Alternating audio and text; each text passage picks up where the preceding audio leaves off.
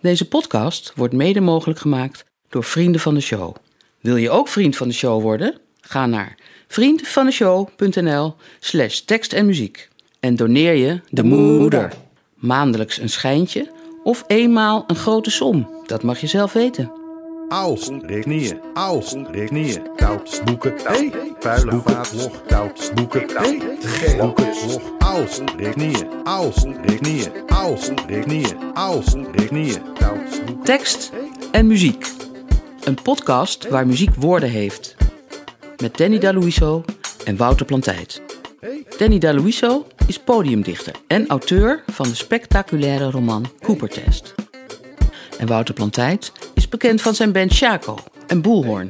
En als gitarist-producer bij Sanne Wallis de Vries, Paul de Munnik en vele anderen. Elke aflevering een kort verhaal over een actueel onderwerp. Behalve op het moment dat je er naar luistert.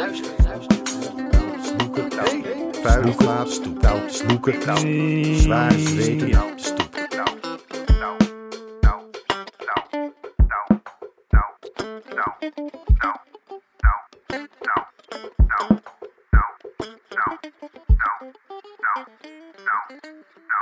De Tindermonologen.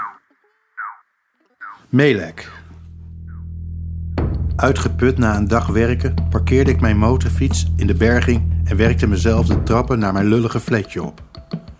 Ik schoof een kant-en-klaar maaltijd de magnetron in, plofte op de bank en opende Tinder om weer eens een fijn partijtje te swipen.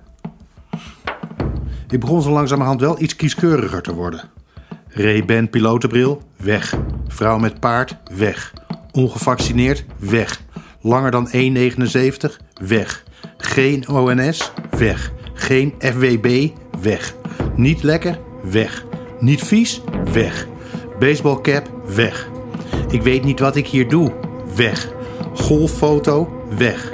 Partij voor de Dieren, weg. Purmerend, weg. Dreadlocks, weg. Turkse schoon uit Bad Hoeverdorp, superlike. De magnetronmaaltijd stond te stomen op de salontafel. Ik schakelde de laptop aan en keek naar Lang Leven de Liefde, mijn favoriete tv-programma. De telefoon piepte, een pushberichtje van mijn vrienden bij Tinder. De Turkse schone had mijn superlike beantwoord. Ik scande nog even haar profiel. De foto's leken niet uit één en hetzelfde lustrum te komen. Ik twijfelde zelfs of ze wel uit hetzelfde decennium stamden. Maar op alle afbeeldingen was ze een lekker wijf en bovendien 41 jaren jong, waarmee ze geen vrouw, maar een meisje was. Ze chatte in het Engels.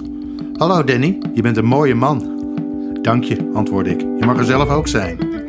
Ben je Nederlands? Ja, half. Andere helft Italiaans.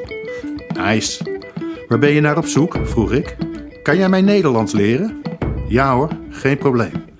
Dat zou ik heel graag willen. Maar daarvoor zijn we niet op Tinder, toch? Ik wil heel graag Nederlands leren. Als we ontmoeten en als we dan verliefd worden, dan leer ik jou met alle liefde Nederlands. Alleen dan? Ja, anders kan je beter naar school gaan. Nu maak je me verdrietig. Hm? Je wil me niet helpen. Ik wil je wel helpen, maar alleen als we vriendje vriendinnetje worden. Misschien moeten we maar snel eens afspreken. Ja, dat wil ik ook. Wanneer? Ik keek op mijn horloge. Het was bijna acht uur en ik had wel behoefte aan vrouwelijk contact. Als ik me snel even douchte, kon ik om kwart voor negen in Bad Hoeverdorp zijn. Met een beetje mazzel kon ik haar nog wat Nederlands leren. Ik kan vanavond nog, zei ik. Nu? Ik kan er over een uurtje zijn. Het bleef stil.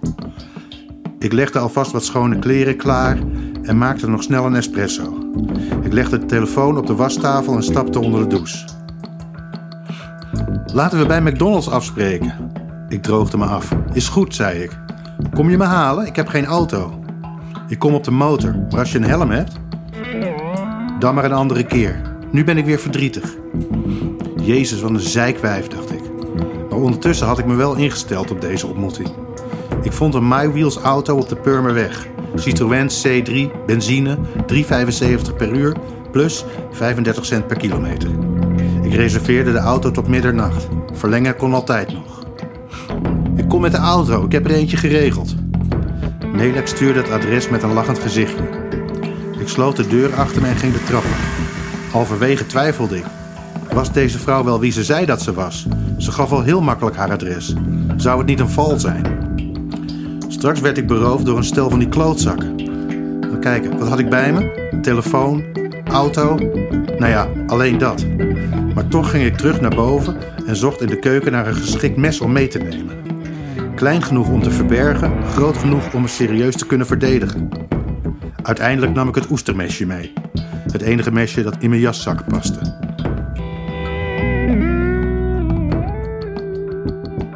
Op de hoek van de straat, zo'n vier huizen van waar ze woonden, stond een zilverkleurig busje geparkeerd. De motor draaide en de lampen brandden. Er zaten drie mannen voor het ruit te kijken. Ik stond half op de stoep voor Meleks woning en keek in de spiegel of de mannen uitstapten.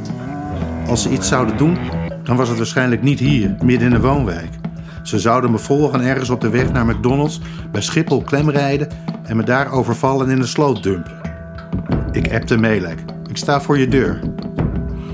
Na een minuut of drie kwam ze naar buiten. Korter dan ik dacht. Ouder ook. En gezetter. Ze droeg geen hoofddoekje. In het busje bleven de mannen zitten. Ik stapte uit en begroette Melek. Ze wilde niet meer dan twee zoenen. Ik hield de deur voor haar open en bekeek haar in het licht van het interieurlampje. Niet bepaald Paradise bij de dashboardlight, maar ook geen bed out of hell.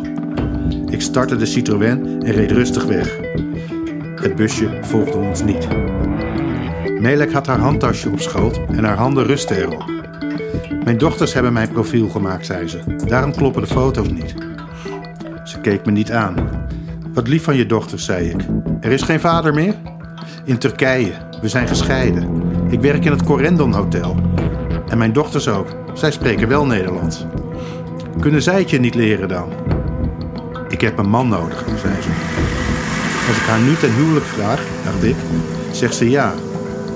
Waar uit Turkije kom je vandaan? Ik ben ooit een half jaar in Turkije geweest.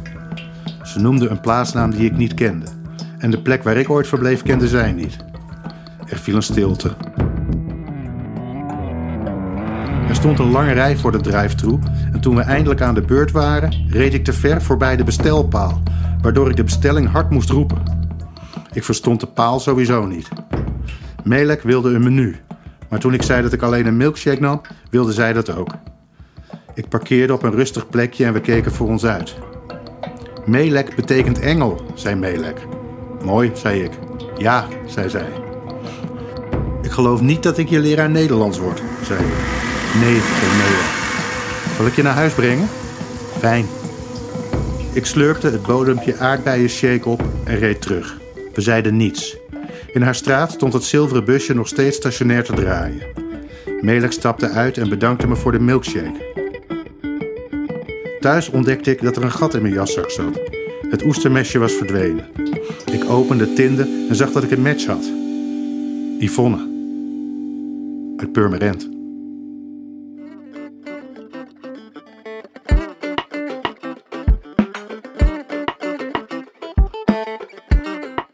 Dit was Tekst en Muziek, een podcast van Wouter Plantijt en Danny Daluiso.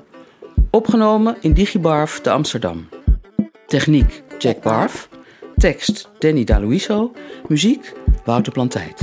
Word vriend van de show? Ga naar vriendvandeshow.nl slash tekst en muziek.